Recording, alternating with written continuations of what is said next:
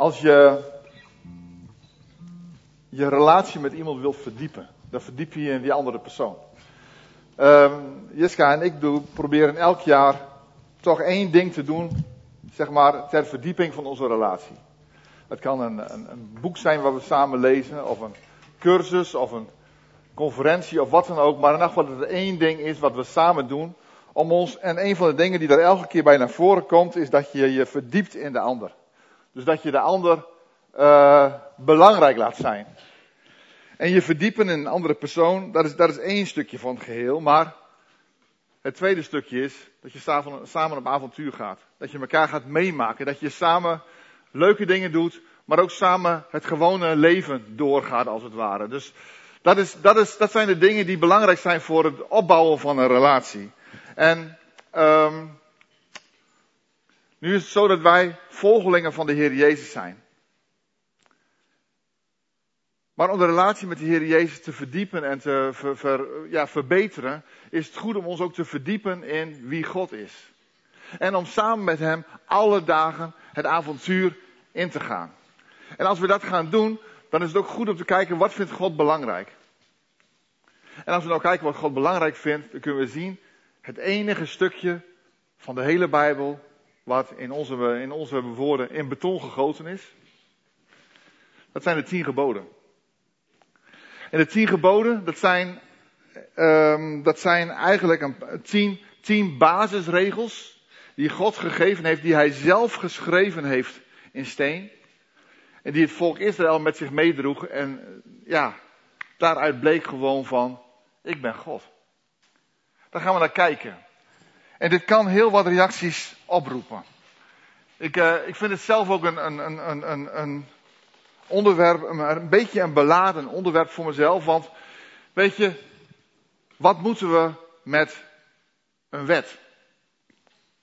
Wij als Nederlanders hebben niet zoveel met wetten. Onderlinge afspraken oké, maar wetten, dingen die, die als het ware zijn opgelegd, is voor ons lastig te hanteren. Misschien zeggen andere mensen wel van yes, nu krijg ik houvast. Nu gaat het makkelijk worden, want nu weet ik precies waar de grenzen liggen. Zou kunnen. Maar die wetten, die tien geboden, gelden die ook voor ons? Is het zo dat wij die regels gekregen hebben, zodat wij ons daar precies aan kunnen houden? Of is het nu anders? Hebben ook wel eens gehoord van, nee, in het Nieuwe Testament gelden andere regels als het Oude Testament. Deze regels zijn gegeven in het Oude Testament, die zijn al 3.500 jaar oud. Geldt dat nog voor ons? Andere mensen, ik heb er met mensen over gepraat. Iemand zei tegen mij, dit onderwerp jeukt me. Ja, ik snap het wel. En de reden daarvoor was dat het onderwerp jeukte. Het was omdat die persoon zegt van, ik heb al die jaren heb ik in de kerk gezeten en elke zondagmorgen werd die wet voorgelezen. En voor sommigen is dat echt een, is dat echt een, een, eh, een, een veiligheid. Maar voor andere mensen is dat heel erg lastig om te hanteren. Want dan zit je daar, als ik weet het nog heel goed als klein jongetje, ik zat ook in, die, in zo'n kerk. En ik zat daar en elke zondag zat ik weer te denken van, nou, daar kan ik afvinken, dat is, kan ik afvinken. Nou, deze week is het goed. En een andere week dacht ik bij mezelf van, nee, niet goed. Dus ik voelde me of schuldig, of ik voelde me beter dan de rest. Daar komt het op neer. Dus ik ging mezelf continu beoordelen, veroordelen. En dat was eigenlijk de manier waarop ik hiermee omging. Dus ik begrijp wel, dit onderwerp jeukt me. Ik denk van, ik zet hem er gewoon bij. Maar, hoe zit het dan met, de wet is vervuld? Dat zegt de Heer Jezus in Matthäus 5 in de bergreden. Zegt hij, ik ben niet gekomen om de wet af te schaffen, maar om de wet te vervullen. Dat klopt. Maar dat betekent niet dat daarmee de wet voorbij is of over of, of afgedaan. Want in, in hetzelfde stukje in Matthäus 5 zegt de Heer Jezus ook um, dat geen titel of jota van de wet verloren zal gaan. Dat betekent geen punt of komma van die hele wet is voor God onbelangrijk geworden.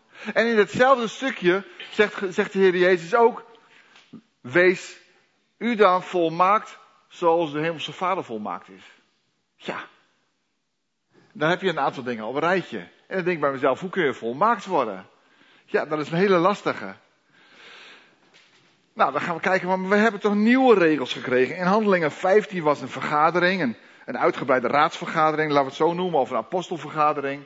En daar zijn vier regels naar voren gebracht. Die vier regels zijn geen bloed drinken, geen vlees met bloed erin, geen vlees naar de afgoden geofferd en geen, geen seks buiten het huwelijk. Dat zijn eigenlijk de vier regels die jou. En er staat erbij, als je zich daaraan houdt, doe je prima. Daar komt het ongeveer op neer. Maar wat moet je dan met die tien geboden? Als je die twee dingen naast elkaar zet, dan zijn de tien geboden dus duidelijk voor vroeger en dit is voor nu of zo. Dit, is, dit, dit zijn echt wel vragen die dan bij je opkomen. En dan is natuurlijk het lastige, wanneer is iets zonde? Want zonde heeft te maken met overtreden van de wet. Maar welke wet? Als je twee wetten hebt, die niet eens over, ja, er zit één overlapping in. Er zit in, in die vier regels in de tien geboden zit één overlapping. Dat is namelijk het zevende gebod. En dat is dat je je huwelijk zuiver houdt, zeg maar. Als ik het even heel algemene woorden zeg. Dat is de enige overlapping. Voor de rest zijn ze verschillend. En hoe kun je dan zeggen van je doet het goed of je doet het fout? Wat is dan zonde? Dat zijn vragen die je dan kunt stellen. En wat moeten we, is vanmorgen ook al genoemd, dan met het grote gebod. Heb God lief boven alles en je naaste als jezelf. Dit zijn een heel aantal vragen die naar voren komen. En die mag je ook gewoon stellen, vind ik. Ik, ik wil ze gewoon gaan stellen, want die vragen die borrelen. En er zijn vast nog wel meer vragen en ik hoop dat ze vanmorgen een beetje aan bod komen. En op die manier willen we gewoon graag ernaar kijken. Um, ik begin met een spelletje. Bowling. Een poosje geleden heb ik samen met, uh, hebben, we, wij samen met een uh, zwager en een schoonzus en wat kinderen zijn we aan het bowlen geweest. En het idee van bowlen is dat je gaat winnen. Je gooit die, die bal naar de, die, die gooi je er naartoe. En je moet zoveel mogelijk kegels omgooien. Nou, dit is even de grote lijn. Um, maar dat is voor de een makkelijker dan voor de ander. We hebben een paar van die kleine kinderen erbij. En die gooien de bal. En na drie meter ligt hij al in het gootje. Dat is erg, echt heel vervelend. En dan zijn we als volwassenen met elkaar aan het bowlen. En dan gaat best eens een keer een bal naast. En dan wordt het echt spel niet minder leuk van. Het spel blijft gewoon boeiend. Maar je balt er wel van dat je denkt, ik had die bal op de, op de baan willen houden. Nou, daar is een oplossing voor.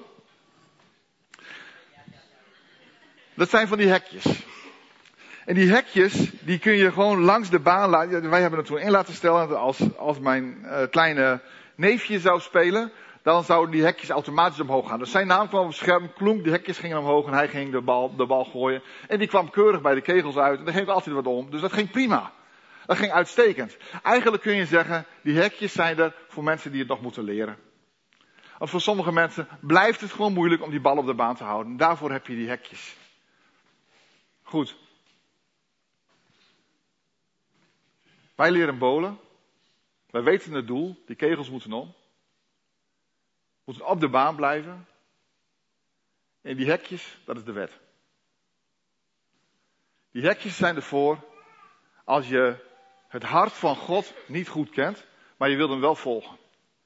En dan maak je, ja, als je zelf aan het gooien bent, maak je regelmatig een mispeer. Dan gaat die bal eraf. Maar je weet, ik wil naar het midden toe. Ik wil die ik, deze vergelijking gaat vast en zeker ergens mank. Maar ik heb gezocht naar iets wat, wat zo goed mogelijk pakt. En in dit geval lijkt het mij heel duidelijk, wij mogen winnen. Daar mag je voor gaan. Je gaat ervoor dat die bal op de baan blijft. Je gaat ervoor dat die kegels omgaan. En als je er een keer afgaat, dan pak je een nieuwe bal en je gooit hem er weer naartoe. En net zolang tot het wel lukt. Als je het nog niet goed kunt en alle ballen gaan eraf, dan heb je hekjes nodig. En die hekjes, dat zijn de regels. En ik, op het moment dat je God goed kent, dat je het hart van God kent, heb je die regels niet meer nodig. Dus wat het doel nu is, is dat wij God leren kennen dat wij dan die wet niet meer nodig hebben. Want wij kennen God, wij weten waar we heen moeten. En dat is ook wat God zegt. Hij zegt, uh, nou, ben ik naam, nou ben ik even vergeten bij welke profeet het was, maar hij zegt, ik zal u een nieuw hart geven, een hart van vlees. En dat is eigenlijk dat we met ons allen God leren kennen. Dat we, dat we die connectie echt kunnen maken. En dan gaan we God volgen. En dan is de wet niet meer nodig. Dan is de wet is alleen maar de hekjes, zodat je binnen het randje blijft. Daar gaat het over. En zodat je niet helemaal ontspoort.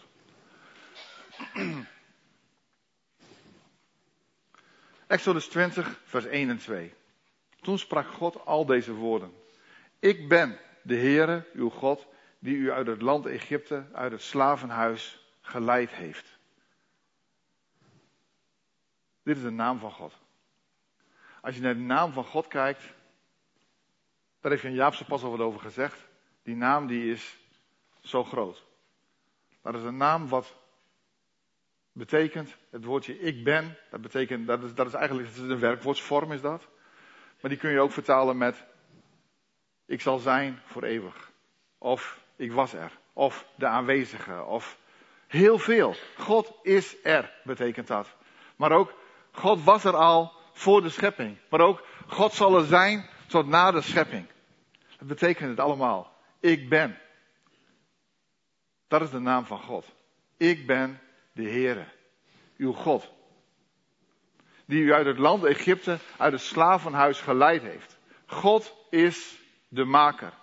Maar God is ook wijs. Want de Israëlieten die waren in Egypte. En die hadden zoiets van, het gaat ons niet lukken om hier vandaan te komen. Dus we blijven hier maar. Maar God zei, dat is niet wijs jongens, dat is niet wijs. Ik wil jullie eruit halen. En hij moest echt door, ook bij de Israëlieten, door een aantal barrières heen. Om ze mee te nemen uit Egypte. Uiteindelijk zagen ze, dit is wijs. En als God hieraan refereert, dan is dit ook gewoon Gods wijsheid. En Gods wijsheid mogen we leren kennen. Gods kracht blijkt hier ook uit. God is degene die alles gemaakt heeft. Als wij naar Hem bidden, dan weten we, we zijn bij degene die het bedacht heeft. We zijn bij de ontwerper. Ik ben een poosje ben ik engineer geweest. Maakte grote machines.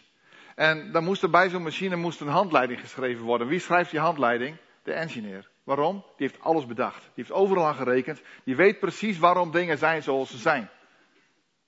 God is de engineer. God is degene die jou gemaakt heeft, die mij gemaakt heeft.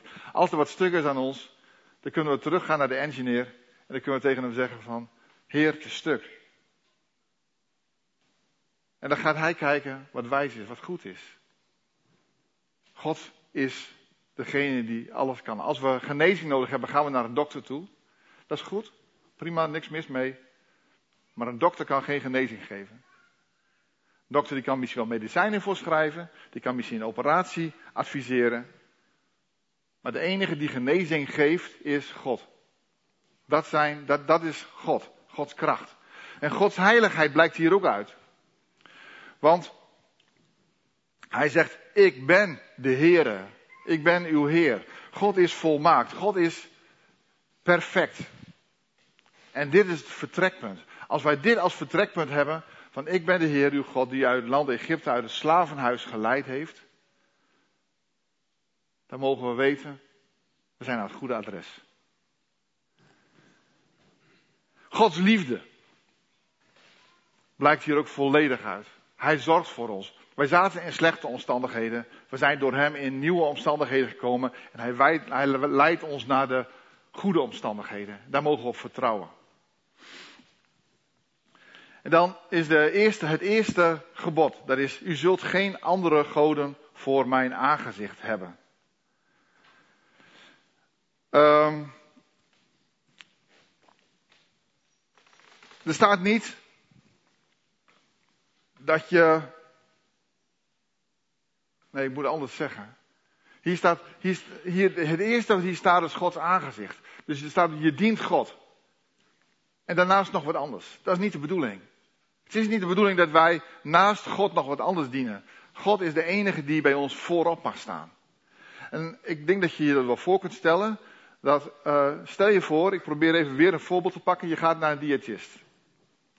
En die persoon die schrijft je een dieet voor. Maar ondertussen lees je in de libellen een ander dieet. En je denkt van, oh, dat stukje van dat dieet pak ik ook wel.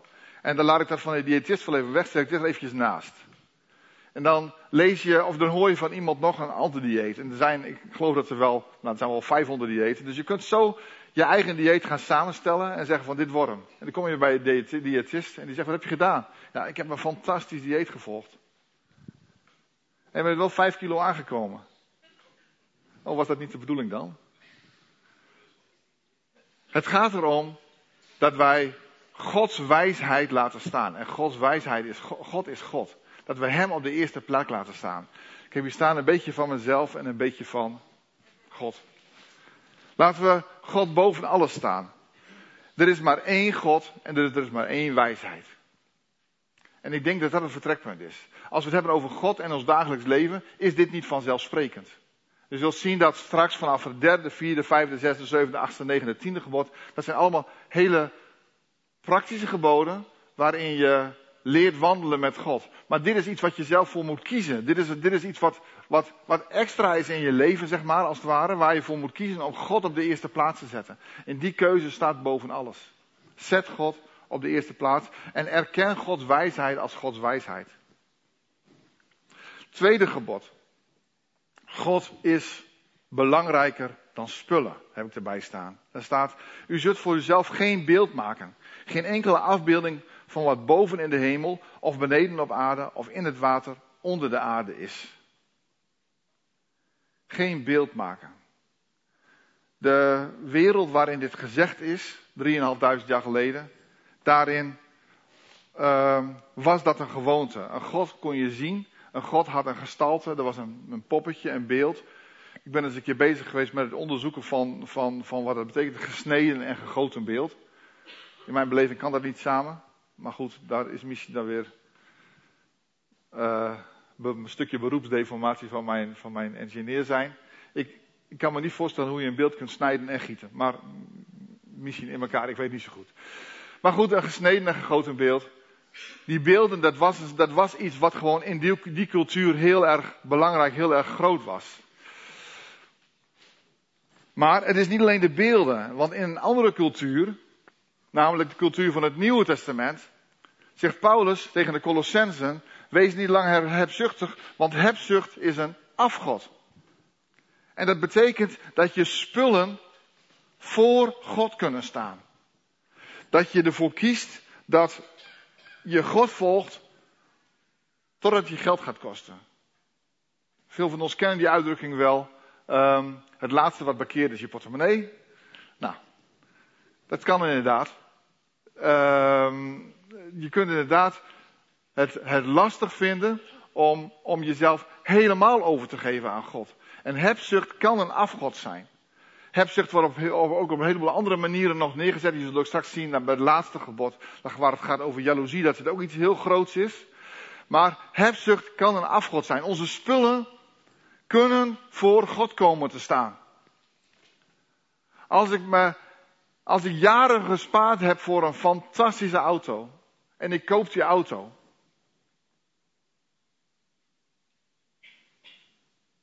En iemand zegt tegen mij van, ik geloof dat God zegt dat je die auto weer in moet leveren. Nou, kijk maar eens wat er met je gebeurt. Ik zeg niet dat het moet hoor, een mooie auto, maar ik zeg, rijd er, rijd er alsjeblieft gewoon in door. Maar um, kijk eens wat het met je doet. Kijk eens wat het met je doet. Of je hebt je huis, je, je ligt helemaal krom voor je huis. En je denkt bij jezelf, dit huis staat tussen mij en God in. Wat ga je dan doen? Wat ga je dan doen? Wat is belangrijker? Je spullen of God? Je rust of God? Je veiligheid of God? Laat iets anders geen afgod zijn. Laat iets anders geen afgod zijn. Jesaja 44 wordt het heel, heel mooi neergezet. Daar gaat, daar gaat het inderdaad over die beelden. En daar wordt uh, besproken dat er een, uh, een timmerman, die pakt een stuk hout. En die zaagt er een stuk af. En uh, dat wat over is, dat gooit hij in het vuur. Maakt hij een vuurtje van dat hij lekker warm is. En dan hakt hij er allemaal dingen af tot er een heel mooi beeld overblijft. Het afval gooit hij in het vuur. En dan gaat hij dat beeld aanbidden. En dan zegt Jezaja, zo bizar is het om spullen te aanbidden. Zo bizar is dat. Dat je gewoon de ene helft opfikt en de andere helft ga je aanbidden. Spullen zijn niet het waard om aanbeden te worden. En ja, ik merk aan mezelf, hoe ouder ik word, dat het voor mij ook steeds minder belangrijk wordt. Maar ik denk bij mezelf, waarom moet het zo vreselijk lang duren voordat ik dat kan leren? Dit zijn, dit, zijn, dit zijn hele moeilijke lessen om te leren. Dus zo nu en dan heb je dan voor jezelf van die hekjes nodig. Dat je denkt van, oh ja, ik heb even weer nodig dat iemand mij eventjes weer tegen me zegt van, denk er even anders over na. Kijk, kijk er eens anders naar. Maar dit gebod is nog niet afgelopen. Um, u zult voor uzelf geen beeld maken, geen enkele afbeelding van wat boven in de hemel of beneden op de aarde of in het water onder de aarde is. U zult zich daarvoor niet neerbuigen en die niet dienen. Want ik, de Heer uw God, ben een naijverige God, dat is een jaloerse God, die de misdaad van de vaderen vergeldt aan de kinderen, aan het derde en het vierde geslacht van hen die mij haten, maar die barmhartigheid doet aan duizenden van hen die mij liefhebben en mijn geboden in acht nemen. En dit voelt zo onrechtvaardig. Dat je zegt van, de vader doet iets fout en de kinderen die worden daarvoor gestraft. Dat voelt zo onrechtvaardig. En dan ga je zoeken in de Bijbel van, is dit echt wat God bedoelt? Is dit echt wat God bedoelt? Want God is toch een rechtvaardige God. En hoe kan hij dan de kinderen straffen voor iets wat de ouders gedaan hebben? Ik vond dit een hele lastige. En dit, heeft voor mij ook, dit is voor mij ook een reden om zo'n tekst eigenlijk links te laten liggen. Oké, ik denk bij mezelf, de tien geboden doe ik, maar dit stukje sla ik over. Ik dacht van, dat is niet eerlijk. Dat is niet eerlijk. En daarom gaan we ook gewoon kijken van wat staat daar en wat betekent dat. God is God. Laten we daarmee beginnen. Hij is niet veranderd. Van voor de schepping tot nu toe is hij dezelfde. En hij blijft voor eeuwig dezelfde. Als God nu rechtvaardig is, was hij dat toen ook. En als God nu uh, mensen, uh, als God toen mensen strafte voor de zonde van hun ouders, zou hij dat nu dus ook doen. Dan gaan we eens kijken hoe het in de rest van de Bijbel staat. In Ezekiel 18 en in Jeremia 31 staat een spreekwoord. En het spreekwoord dat luidt: uh, De ouders hebben onrijpe druiven gegeten en de tanden van de kinderen zijn daardoor stroef geworden. Dat is een spreekwoord wat gebaseerd is op het tweede gebod, denk ik dan. En er staat erbij, maar zo is God niet, staat erbij. Oké, zo is God niet. Dat heb ik dan net gelezen in het tweede gebod, dat God wel zo is. Maar hier staat duidelijk, zo is God niet. God is rechtvaardig. God straft niet de kinderen voor de zonde van de ouders. In Johannes 9, dan lezen we over een blind geborene. En dan zegt Petrus, wie heeft er gezondigd? Deze persoon of zijn ouders? Zegt de Heer Jezus, nee, zo werkt dat niet joh. Zo gaat dat niet. Dit werkt niet op die manier. Ik vind het op zich een opmerkelijke vraag. Een blind geborene en dan vragen wie daar gezondigd heeft, hij zelf of zijn ouders. Want als je blind geboren bent, dan kan jouw eigen zonde. Maar ja, goed, dat is, een, dat is een vraag die je dan stelt. Maar de Heer Jezus die zegt dan: nee, dit werkt op deze manier niet. Wij mogen nu God gaan grootmaken. Daar komt het op neer. En in Deuteronomium 24, vers 16 staat heel duidelijk, en dat is ook een stukje van de, de, de boeken van Mozes.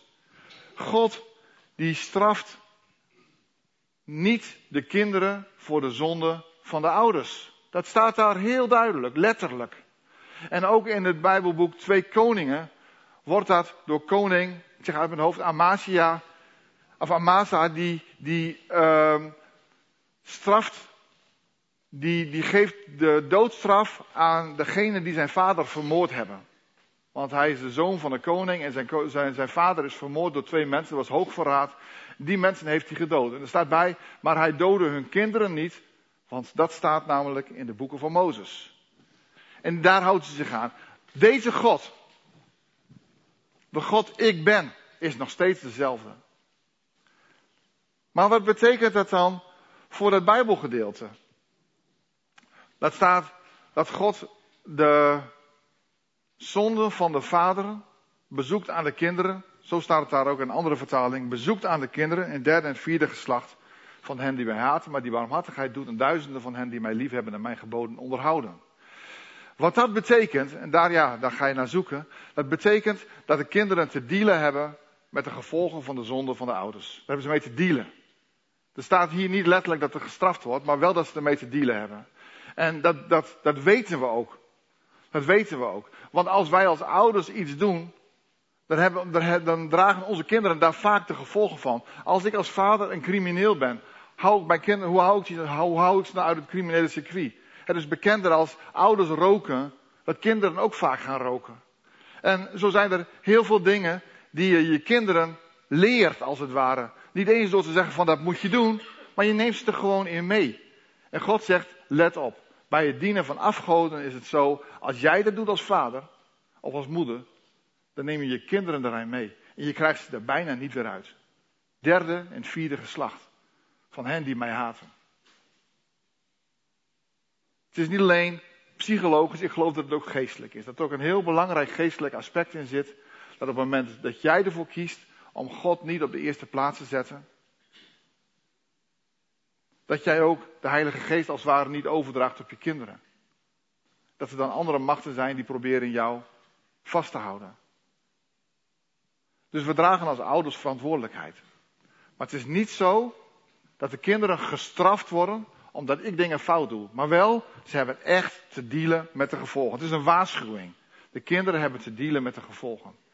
Dus als wij als ouders de goede keuzes maken, dan kunnen we onze kinderen daarin meenemen. Als wij als ouders de goede keuzes niet maken, nemen wij onze kinderen daar ook in mee. Die verantwoordelijkheid hebben we. En op die manier mogen we ermee omgaan. Het eerste en tweede gebod. Het eerste gebod is, zet God op de eerste plaats. En het tweede gebod is, God is belangrijker dan spullen. Wij mogen leren nu om te kijken, wat betekent dit voor ons dagelijks leven? Wat betekent dit? Hoe gaan we om met onze spullen? Hoe zetten we God op de eerste plaats? God op de eerste plaats zetten betekent Hem leren kennen, steeds beter leren kennen. Dat mogen we doen door met elkaar erover te praten, door samen te bidden, door samen de Bijbel te lezen. Vandaag zijn we met, uh, we zijn nu met een vaste weekend bezig. Straks na de dienst blijft het gebouw open. We kunnen samen bidden, we kunnen samen de Bijbel lezen.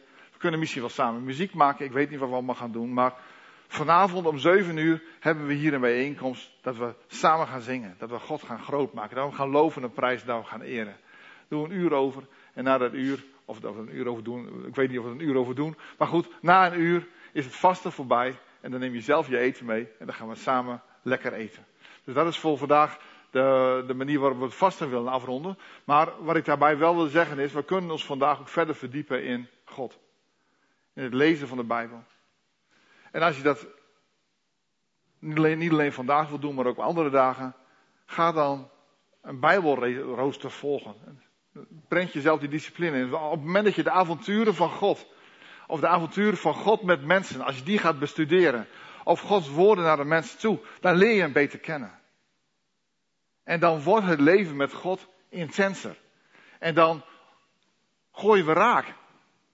En dan gaat die bal regelmatig in het gootje. Ik bedoel, als ik aan het bowlen ben, ik ben geen topper.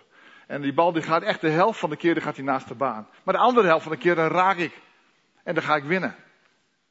En hoe vaker ik gooi, hoe vaker ik raak gooi. En hoe beter ik het leer, soms heb je van die, dan sta je daar op zo'n baan en denk je, wat hoe doen ze dat? Dan komt er iemand aanrennen, die geeft die bal een draai. En die bal die maakt dan een bochtje vlak langs het randje. En die raakt hem dan net rechts van het midden en alles gaat in één keer om. Dan denk je van, hoe doet hij dat? Maar hij doet het de volgende keer weer, die kan het dus echt. En zo nu en dan, dan gaat hij iets dicht langs het randje, dan gaat hij toch in het gootje en dan staat hij te balen. Nou, dat mag ook. Dat mag. Hij gaat langs het randje. Maar het gaat niet om het randje. Het gaat hem daar om het doel. Het gaat hem niet om hoe ver kan ik opzij gaan. Maar op het moment dat wij denken bij onszelf van, hé, hey, hoe moet dit? Hoe gaan we hiermee om? Zet dan de randjes even omhoog. En leer te wandelen met God. Dat doe je door God te leren kennen. En op die manier mogen we het allemaal doen. We gaan samen bidden.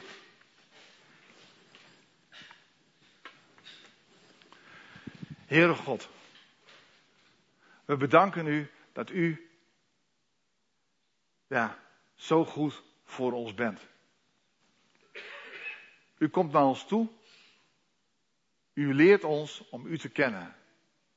We mogen u leren kennen ja, door, door regels die u ons geeft. Maar u geeft ons toch veel meer de mogelijkheid om uw hart te leren kennen. Door dagelijks met u te wandelen, door het avontuur met u aan te gaan. Maar ook door doordat u uw zoon Jezus Christus hebt gegeven, die naar deze aarde toegekomen is, die zijn leven heeft gegeven. En daarmee zichzelf, ja, een van ons heeft gemaakt. En voor ons is gestorven. Heere God, dank u daarvoor. Help ons om u beter te leren kennen. Help ons om te genieten van het wandelen met u. Help ons om u te loven en te prijzen en te eren in alle omstandigheden. Wijs ons uw weg. Heere God, en ik weet niet hoe we hier zitten. Zitten hier een aantal mensen die wellicht een moeilijke week gehad hebben. Heer, draagt u hen. Draagt u hen. Help hen dat ze zich vast durven houden aan u. Ook al staat hun geloof misschien op de grondvesten te schudden. Heere God, u blijft dezelfde. U bent vol liefde. U bent machtig. U bent groot. U bent heilig. U blijft dezelfde. Misschien was dit een hele glorieuze week waarin een heleboel dingen fantastisch zijn gegaan. Heere God, help ons om gedenkstenen te zetten. Help ons om dit vast te houden en om ook als het later wat minder gaat, dat we ons hier aan vast kunnen houden. Misschien was het een hele drukke week. Heere God, help ons om in uw rust te zijn. Zo bidden we u, Heere God, om deze dag ook echt met u verder te gaan en dit hele jaar uh, ja, ons te richten op het u beter te leren kennen. Wijs ons hierin uw weg. Ook in ons dagelijks leven. In de machtige naam van Jezus. Amen.